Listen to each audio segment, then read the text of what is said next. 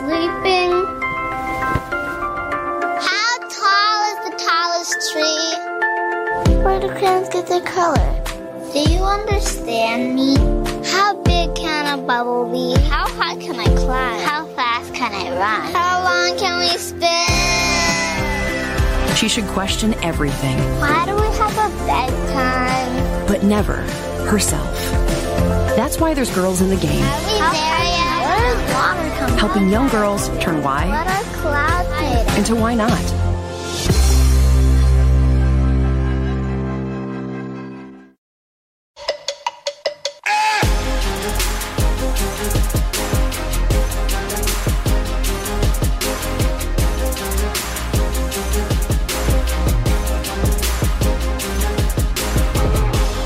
Hello, everybody, and welcome into the Sportscaster and Her Son, where sports bridges the gap between the generations. I'm your co host, 12 time Emmy Award winning sportscaster Peggy Kusinski from ESPN Radio in Chicago, formerly of NBC Chicago.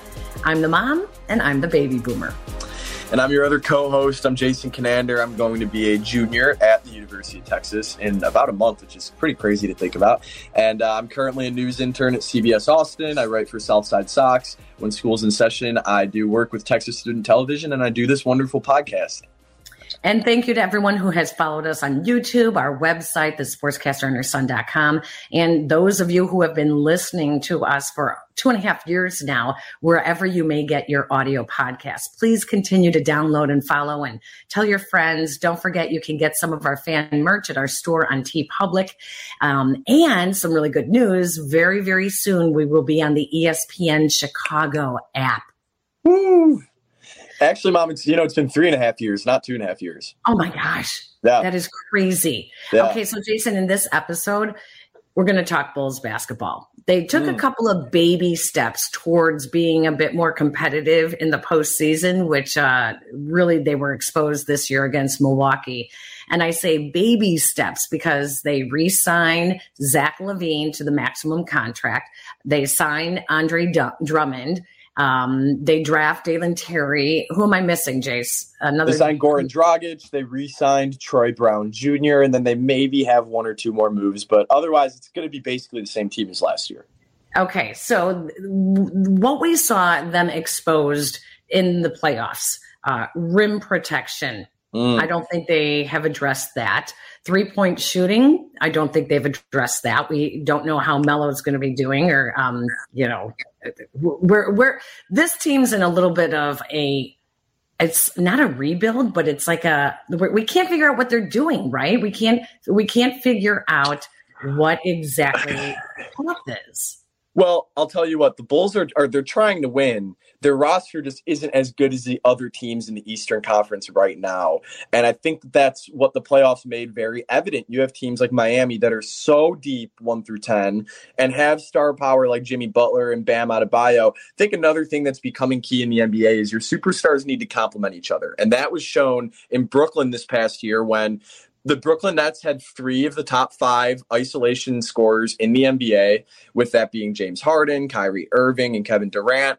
And as nice as that was, those three isolation scores don't exactly complement each other that much. So Harden found his way out of town. KD and Kyrie never had much chemistry anyway, and the Nets were swept in the first round. So now what NBA teams are realizing is you need to build this sort of core with players that one play with each other for a while. That's why the Warriors have won so many NBA championships. No team in the NBA has better chemistry than the Golden State Warriors. The Milwaukee Bucks last year were a homegrown team. So the NBA is kind of in this transition era where the era of the super team is going away. Now there are still so many superstars in the NBA to where there are super teams, so to speak. They're just being built so much differently. And the Bulls are kind of in this weird phase where they have good enough players to make the playoffs, but they don't have great enough superstars to win a championship. So it's kind of this weird in between ground.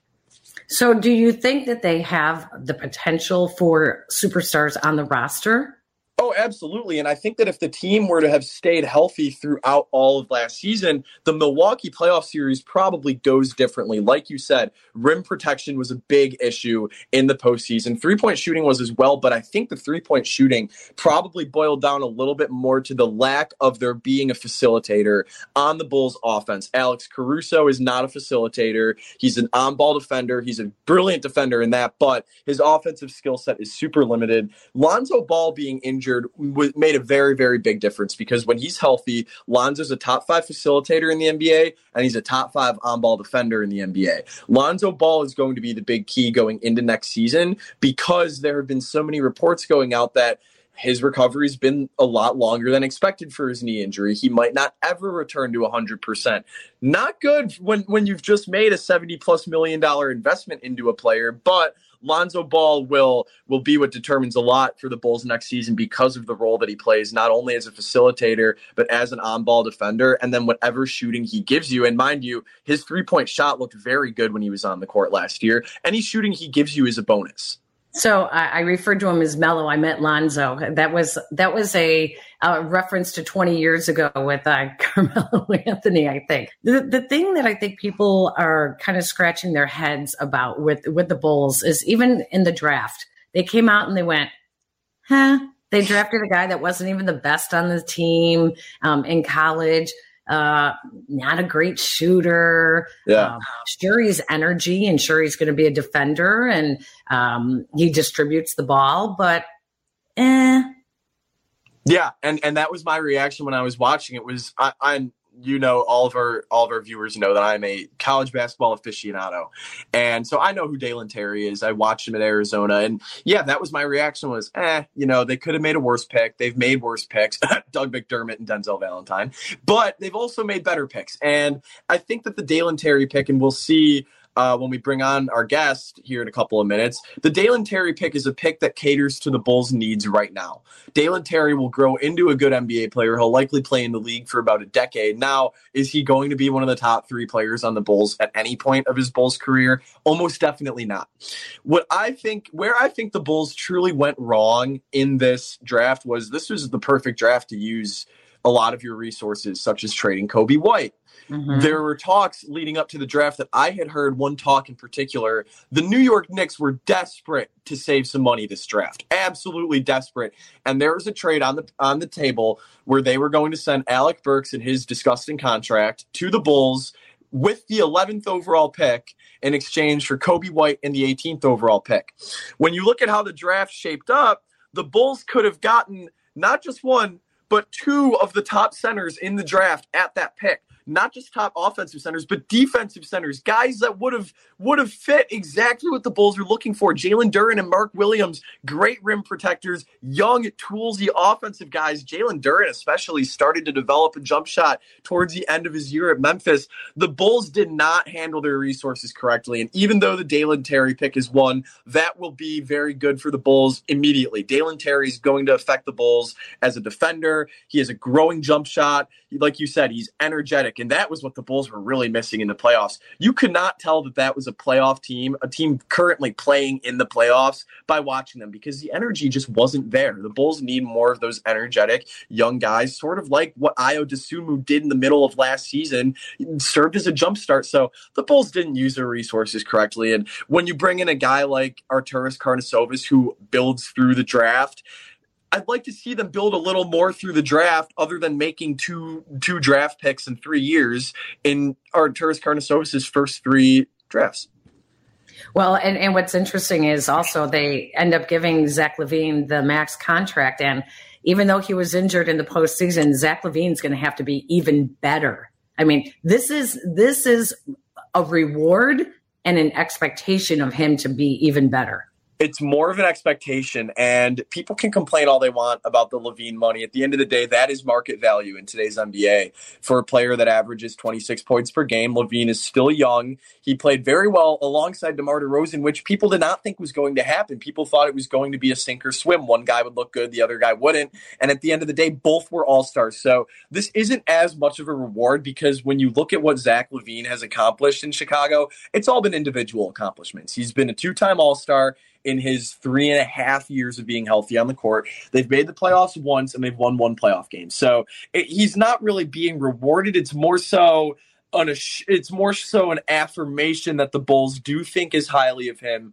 as they thought when they made him the headliner in the Jimmy Butler trade, and that the Bulls think that one way or another, whether it be based on the position that they're in now and the way that the roster looks, they think that their quickest avenue towards winning is with Zach LaVine on the roster, opposed to potentially signing and trading him, which I always thought was the best best course of action for them this offseason, but clearly wasn't on the table as LaVine made it official yesterday. Uh, so that that is market value for him, though. We'll see. His role needs to grow he can't. He Zach LaVine can't just show up when he decides he wants to show up. It needs to be 25 plus points every single night, and most importantly, contributing in aspects of the game other than scoring. Because 80% of the NBA can score nowadays. DeMar DeRozan can score. Lonzo Ball can score. Vucevic can score, especially when he's taking 20 shots per game. Zach LaVine needs to impact the game in ways other than putting the ball in the basket.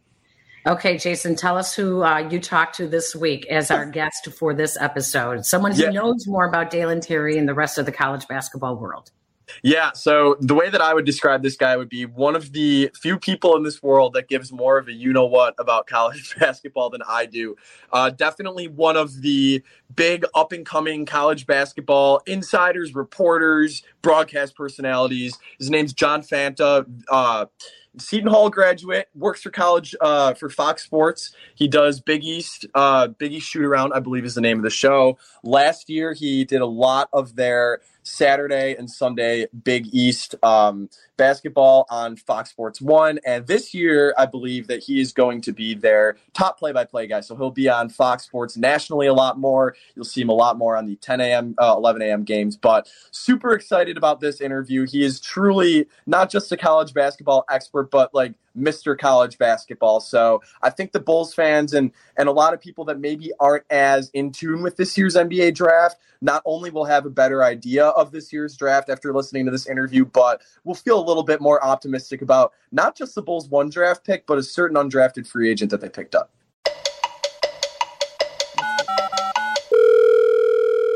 So it is my great pleasure to introduce our guy, he's a play by play broadcaster and reporter for Fox College Hoops, also the host of Big East Shoot Around and a commentator for the great Field of 68 podcasting network.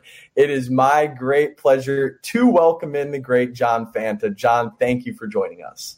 Jason, thank you for having me. It's great to be with you. I think the Sportscaster and Her Son podcast is such a cool idea in the, the wide range of podcasts. This is something that's original, it's fresh, and uh, it's a pleasure to be with you today. I really do appreciate that. And, you know, you have a lot of experience in the podcasting network. You're part of the field of 68, which I'm a huge fan of. I think that y'all do amazing stuff throughout the college basketball season. March Madness coverage was awesome. Podcasting's a new wave in sports media. And I mean, there are people like you that are really riding that wave and getting big off of it. I mean, a, a little bit. You're, I like your play by play too. So, okay, we're gonna get started. Um, I, we have to keep it a little Chicago central here. And a lot of people are wondering about Dalen Terry. Ironically enough, you wrote a great article on Dalen a week ago where you sort of alluded to the fact that he might be one of the steals outside of the lottery. So tell Bulls fans what they can expect out of Dalen Terry and why you think the Bulls might have gotten a real diamond in the rough. Well, I think that the Bulls might have gotten a diamond in the rough because Dalen Terry is someone who will not need to be taught what to do defensively coming into the NBA. He is long, he's aggressive in his approach, and he's someone, Jason, that I think fits the Chicago style, that style that they loved watching in an Alex Caruso, because he plays basketball just so hard. He's a he's a gutsy player. He's someone who's going to be able to collect stops. He's someone who's going to be able to disrupt what other teams are doing. And for Chicago, one of their needs was to try to get better on the perimeter defensively and to try to get some help at the wing. Terry at six foot seven, a wingspan that's over seven feet, he's he's a really unique talent. Offensively, what I like about him is Jason, he doesn't need to be the one taking the shot for his team to be impacted by what he can do for them. He is a tremendous ball mover.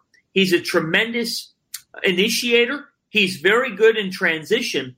So when you combine the whole skill set, this is not someone who needs to get X amount of shots up a game for him to have a strong performance. What I like about this pick from Chicago is they got somebody who the shot's the last thing that needs to come along. If anything, Terry's confidence in his shot is something that needs a little bit more help. Chicago's got shot doctors that'll help him get better there. It's the passing, it's the transition game, it's the defense that are all givens.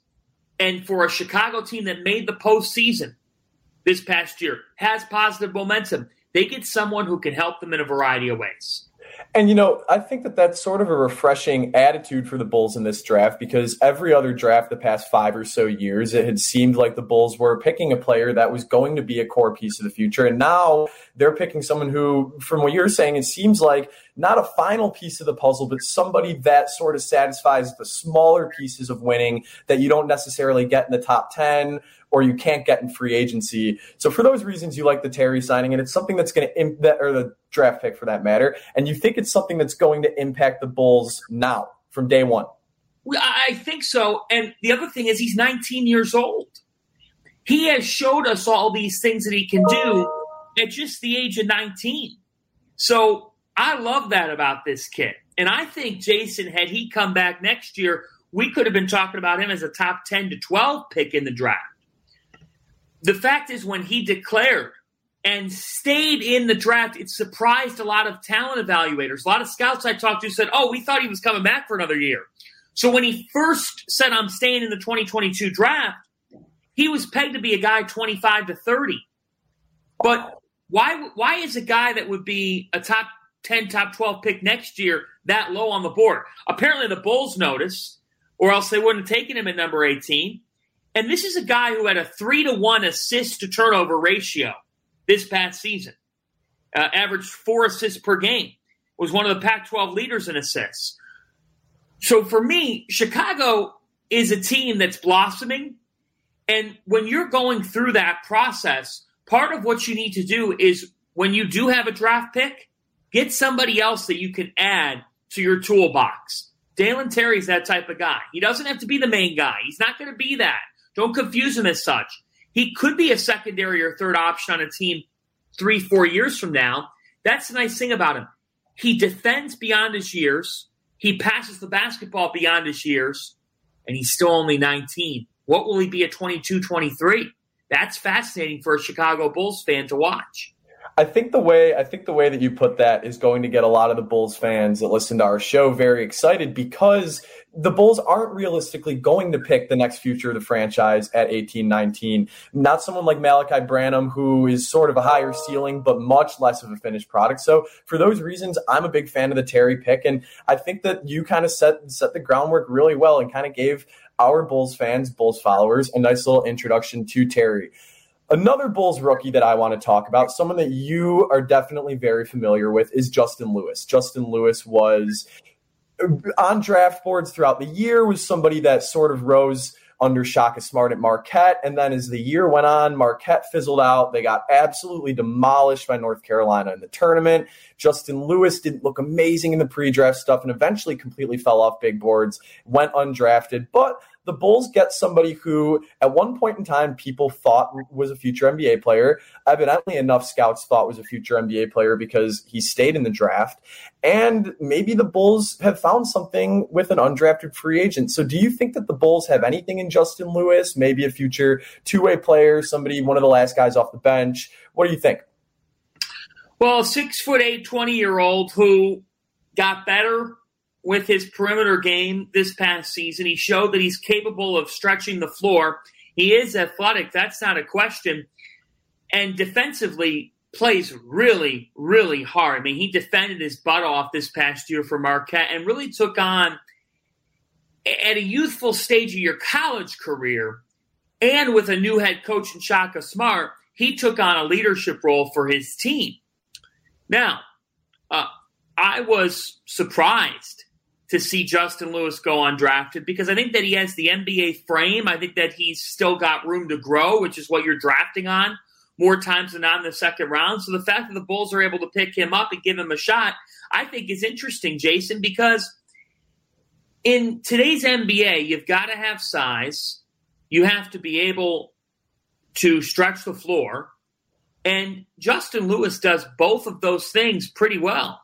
So I think that he's a, a guy that, when you consider the value, that I would argue he was a top 40 player in this draft class. He did not get picked.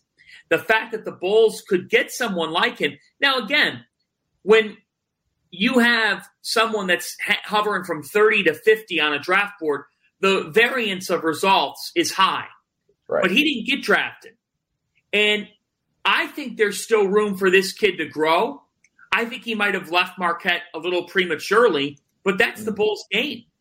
So you are sitting here saying, we're betting on Justin Lewis becoming a, a more polished product and someone who really takes on the things that we look for in a player. Now, the one thing is he's not very quick. So they've got to work with him on his foot speed. They've got to work with him on defense as well a little bit because I thought he played hard, but that didn't always translate to doing things that were necessarily the right things on the court. But effort's not a question. And the offensive game is interesting because it's grown. This is going to be a player who probably laces up for Windy City this upcoming season. You know, play in the G League, and they'll see where he goes from there. I really like that analysis, and I think that, that that's reason to be excited for any undrafted prospect, even any second round pick, late first round pick. That the effort's there, the body's there. Some of these some of these tools need to be refined. He needs a year or two in the G League, but it's a low risk move because if anything, he doesn't pan out, and the Bulls just move on to the next undrafted guy. So I think that that good reason for the Bulls to be excited, especially with only one pick in the draft. They probably would have used that second round or maybe on Lewis that they lost from the Lonzo Ball tampering scandal, but we'll talk about that later. Anyway, one more question on the NBA draft. That question is going to be I have, it seems like I have spent most of the past month or two explaining to people that don't follow college basketball as closely, or maybe the NBA, that I think that this past draft is one of the more marquee drafts of the past decade. Do you think that that's correct? And if so, why why why would you say so? Well, I think that it could turn out to be a marquee draft. In the moment, though, I, I didn't think I thought it was a good draft. Uh, I thought that it was a fascinating draft, Jason. Here's the deal. I'm not sure if the next face of the NBA was necessarily in this draft class. Mm. And you did not have you did not have this larger than life surefire superstar at the top of the draft or else we wouldn't have had what we had on draft night, which was a, a, bit of a surprise to the nation when Paolo Banchero goes one to the Orlando Magic. Now, by the same token, could all three of these guys pan out and then it becomes a marquee draft? Heck yes. Absolutely it could could be that. And I'm not going to overreact from one summer league game for Chet. I was just about to ask. Yep. I'm overreact to that. But it's fun. It's fun to talk about. It's good to see somebody like that step onto a summer league floor and perform. I expected it. We expected it, but he did. I think it's a quality draft. I'm not here I'm not ready to say it was an all time draft. I thought that it was a good draft from an entertainment standpoint. Mm. That's where you're going. I agree with you. You know why? Mm. We didn't know. We didn't know a lot of where teams were going with what they were doing. I also thought teams made some really smart selections. I thought I graded the draft. I handed out 15 A's. I, wow. I thought a lot of teams did a nice job, the Bulls included. They got an A for me because I thought that they drafted well. So to me, it was a level of variance with some of these guys. Like a Patrick Baldwin Jr. goes to the Warriors. What is he going to be in the NBA? What is Malaki Branham going to be? Um, what is a Ty Ty Washington going to be? Right. Why did EJ Liddell fall all the way past 40 to the Pelicans? So it was an interesting draft from that standpoint. I think that that's, that's what intrigues me going forward. And I'm sure that this is going to be such a talking point for the next year. But a lot of people are already beginning to talk about the big name in next year's draft, Victor Wembanyama, seven foot five, like the prospect. What tell people a little bit about Victor Wembanyama? He's French. He's a center, not really a center. Just his height puts him at the center position. Truly. So what can what can people know about this guy who is essentially, if everything pans out in the next two three years, will be one of the faces of the NBA? Well, what you're talking about with Victor Wembanyama is another unicorn type of of player from a size standpoint, but also a weight standpoint. I mean, the latest listing has him at seven foot two, 174 pounds. So this is this is a really unique French prospect who the reason why he's generating such buzz is because you're talking about a seven foot nine wingspan, Jason. Seven nine. I, I don't know if I've ever seen that, and if I have, I don't remember seeing it. So he's really he's kind of an alien. I mean, he really is such a unique player that he's gained some weight. Um, he's gotten over 200 pounds now, based based on on what I'm seeing from him. But he's got he's a guy that for his size at seven two, Jason, to be able to have the lateral quickness that he has, and the shot. When you're at that size and you can regularly hit threes, when you can regularly deliver some passes that are that are off the wall, like this is the closest thing that we've seen in basketball to a young Lou Alcindor, Kareem Abdul-Jabbar in terms of size, in terms of strength, in terms of passing ability. Like it's all on the table for him, and he is the number one draft prospect heading into uh, 2023. There's no question about it because he's too unique to pass on. So that that leads me into another thought, and this is such a talk in the NBA very frequently, and I can already foresee it being such a talking point because how big of a deal Wembanyama is. He's only going to get bigger from this point. Do you think the teams are going to tank for him? And I know that it's kind of a touchy question because tanking sort of like arson in the sense that it is nearly impossible to prove. You can certainly feel like someone did it, but you need all the evidence. Do you think the teams are actually going to tank for Victor? Well, teams are already tanking for Paolo Banchero, Chet Holmgren, and Jabari Smith. And teams are not going to say that they're tanking, but they are. I mean, there's teams that are actively trying to lose games during the season because they know they could help their draft positioning. Why wouldn't you?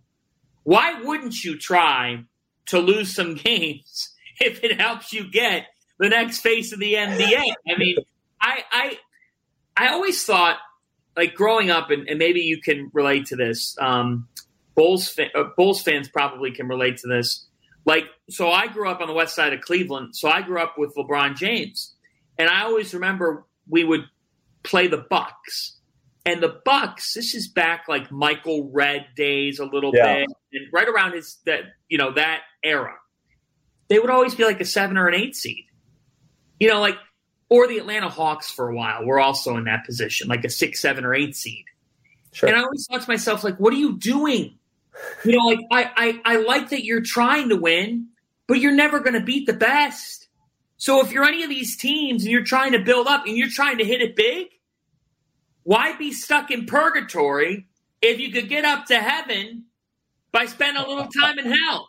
you know, that's that's that's the exact term that I was going to use. NBA purgatory. It's when you're not good enough to make the playoffs, or even if you do make the playoffs, be a, a, competitive force in the playoffs, but you're not quite bad enough to get a marquee draft prospect. I think a good example of this in sports past 15 years, Sacramento Kings. Sacramento Kings have always been not good enough to make the playoffs because they have the longest playoff drought, but not nearly bad enough to get a top draft pick because they haven't really had one since DeMarcus Cousins. So my last question is going to be about college basketball. It is it's been a lot of a lot of news college sports. It has been more focused to college football, but an underrated aspect of conference realignment is what this does for college basketball. UCLA, USC to the Big 10, the Big 12 will inevitably add more schools. Big 10 is in talks with Notre Dame, potentially Washington or Oregon. What does this mean for college basketball?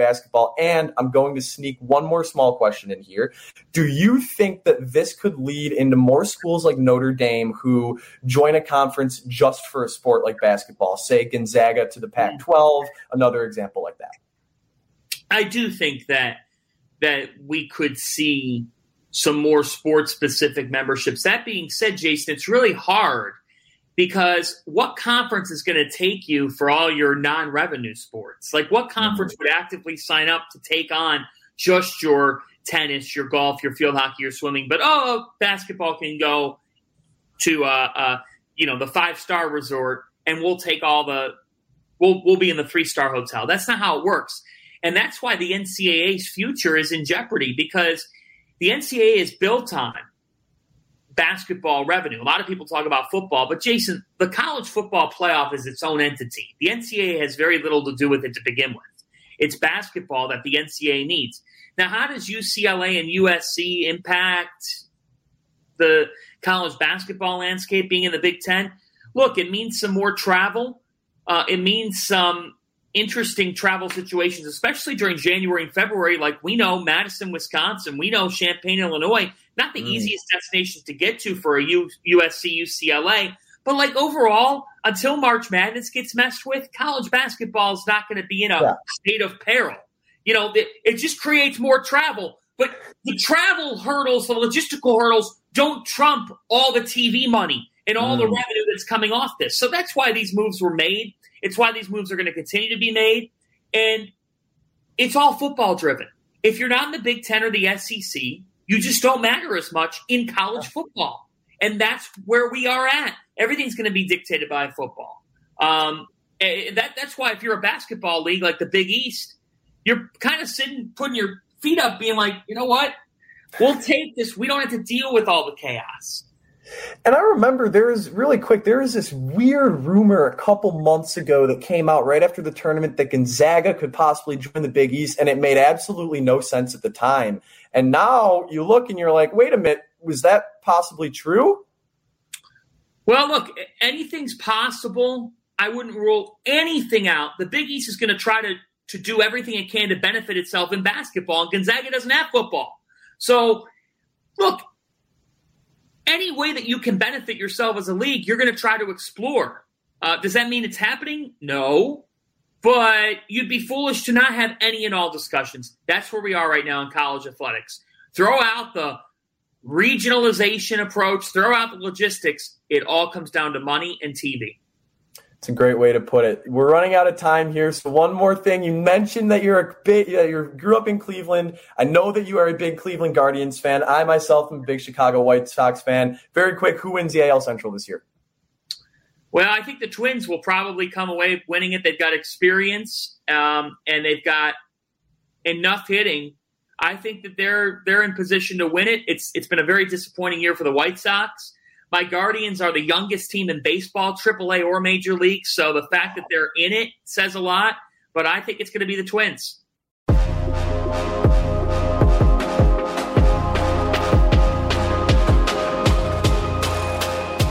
Nice job, Jason, and some nice uh, insight into the Bulls' new draft pick. Maybe we, should, maybe I don't feel so bad about him, but I don't really feel like he's going to knock anyone's socks off unless unless he becomes like a Jimmy Butler yeah, and you know what John said that really got me excited, particularly about Dalen Terry, is that he will give an NBA effort every single night. He has an NBA type of body. He has an NBA skill set defensively, and he can pass and he can contribute in just about every area of the court other than scoring. And that's the perfect storm for the Bulls because basically everyone on this Bulls team can already score. You have perimeter shooters, maybe not enough of them, but when you sign someone like Zach LaVine to the max contract, the expectation is that he's going to get you 30 points a night. So you don't need perimeter scoring hypothetically anyway. Instead, you need this guy that is going to plug all the holes that led to the Bulls' early downfall on ball defending, perimeter defending, facilitating,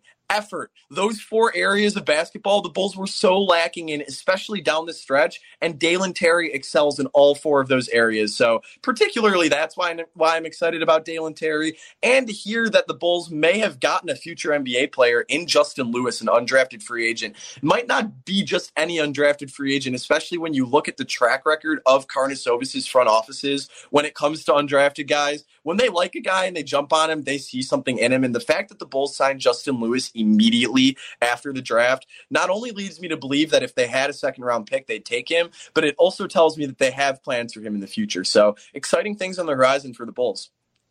All right, Jason, do you have any uh, predictions? Yeah, so a whole lot has happened in sports since the last time we talked. And the first thing that I want to talk about, and we, me and John talked about it towards the end of the interview, conference realignment is taking the college sporting world by storm. The Big Ten adding USC, UCLA. By the time we're done with this podcast, they might have added four more schools. The SEC, this morning, it was announced that they're in talks with Clemson, Florida State, Virginia, and North Carolina. I don't think conference realignment stops here.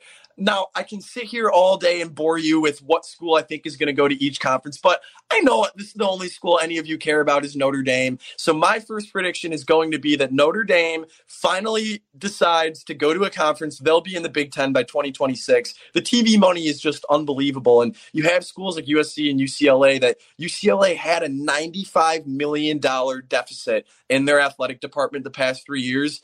They are going to make up for that deficit in one year of the Big Ten media deal. So that's prediction number one. Wow, Prediction number like two. one. Yeah. Prediction number two. And I have been on my high horse about the White Sox for really no apparent reason. And that isn't exactly going to come to an end today.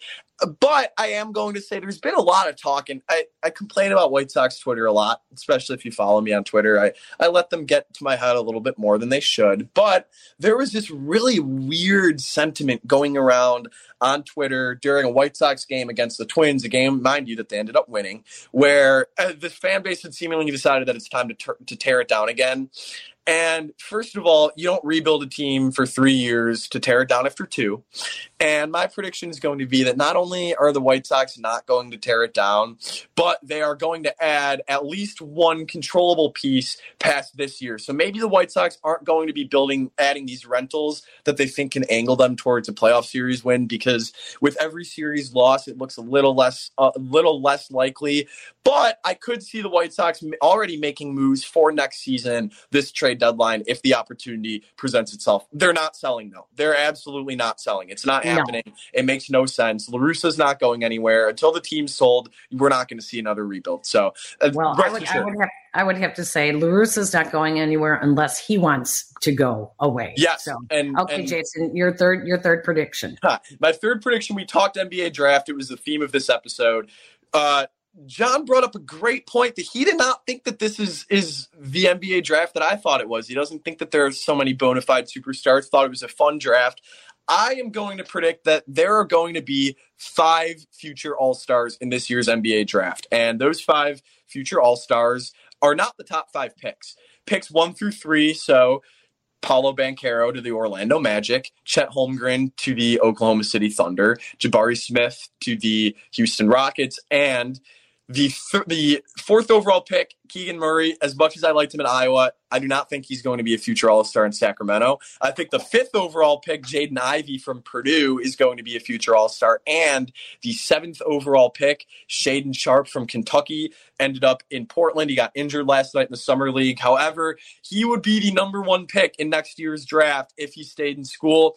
Shaedon Sharpe, I think, will be an All Star. Make that five All Stars, in my opinion, from the 2022 draft. Maybe it'll happen, maybe it won't. Five All Stars in any draft makes it a pretty damn good draft. So that that's kind of a little bit of a shot in the dark, but I'm just excited about this year's draft. I love college sports. All right, well done, Jason. Um, I do have some final thoughts, and unfortunately, we are going to take a little bit of a serious turn here for that because of some recent things that have happened. As we record this episode, this is just a few days removed from the mass shooting in a neighboring suburb of ours here in Chicago, Highland Park. It's devastating. It's shocking and it has made me numb. My nephew lives in Highland Park on the edge of Highwood and was actually with us in Wisconsin at the time of the mass shooting at the 4th of July parade. We all, as a family, found out about it as he was being driven home to Highland Park by my brother and his wife. We all scurried to make sure that he could get home safely and that he would uh, be okay. Uh, another brother of mine, a retired police sergeant, drove my dad home and decided to stop in the town of Middleton, Wisconsin for a cup of coffee. This was in the middle of the afternoon. Middleton is the town in Wisconsin near Madison in which the suspected shooter reportedly had driven to and reportedly disposed of his cell phone at a gas station before contemplating another shooting while seeing a Middleton July 4th gathering. This is so easy for all of us to think that the towns where these mass shootings take place are fictional. To many of us, we never heard of them before until the mass shootings took place. These are not fictional towns. This is very real. And for us, it was very close to home. Our homes, our towns, our freedoms to move around freely between them. Freedoms that were taken away from currently seven victims who died and countless others who were injured. Freedoms that were threatened by all of us watching nearby. I don't have a solution. I don't have a political speech to give, but I do know that in Illinois, we have red flag laws that are meant to alert authorities to someone who may be a threat. Now, while some are screaming over the arrest of middle school kids who are making threats and posting online videos that are violent, saying that this should not be happening, they should not be arrested. This is actually what we are supposed to do when something like that happens. We're supposed to look out and speak out talk to our children, protect our children. Don't just cover up for our children. Words aren't enough anymore, and we do need to come together as a country. Bipartisan laws that protect us while also protecting our freedoms and rights. This is not brain surgery, it's simply common sense. These shootings, whether on Chicago's south or west sides, or in an affluent suburb of Chicago, or small town America, they just have to stop. Jason, that's all I have to say for this episode. Well, I know it's rough.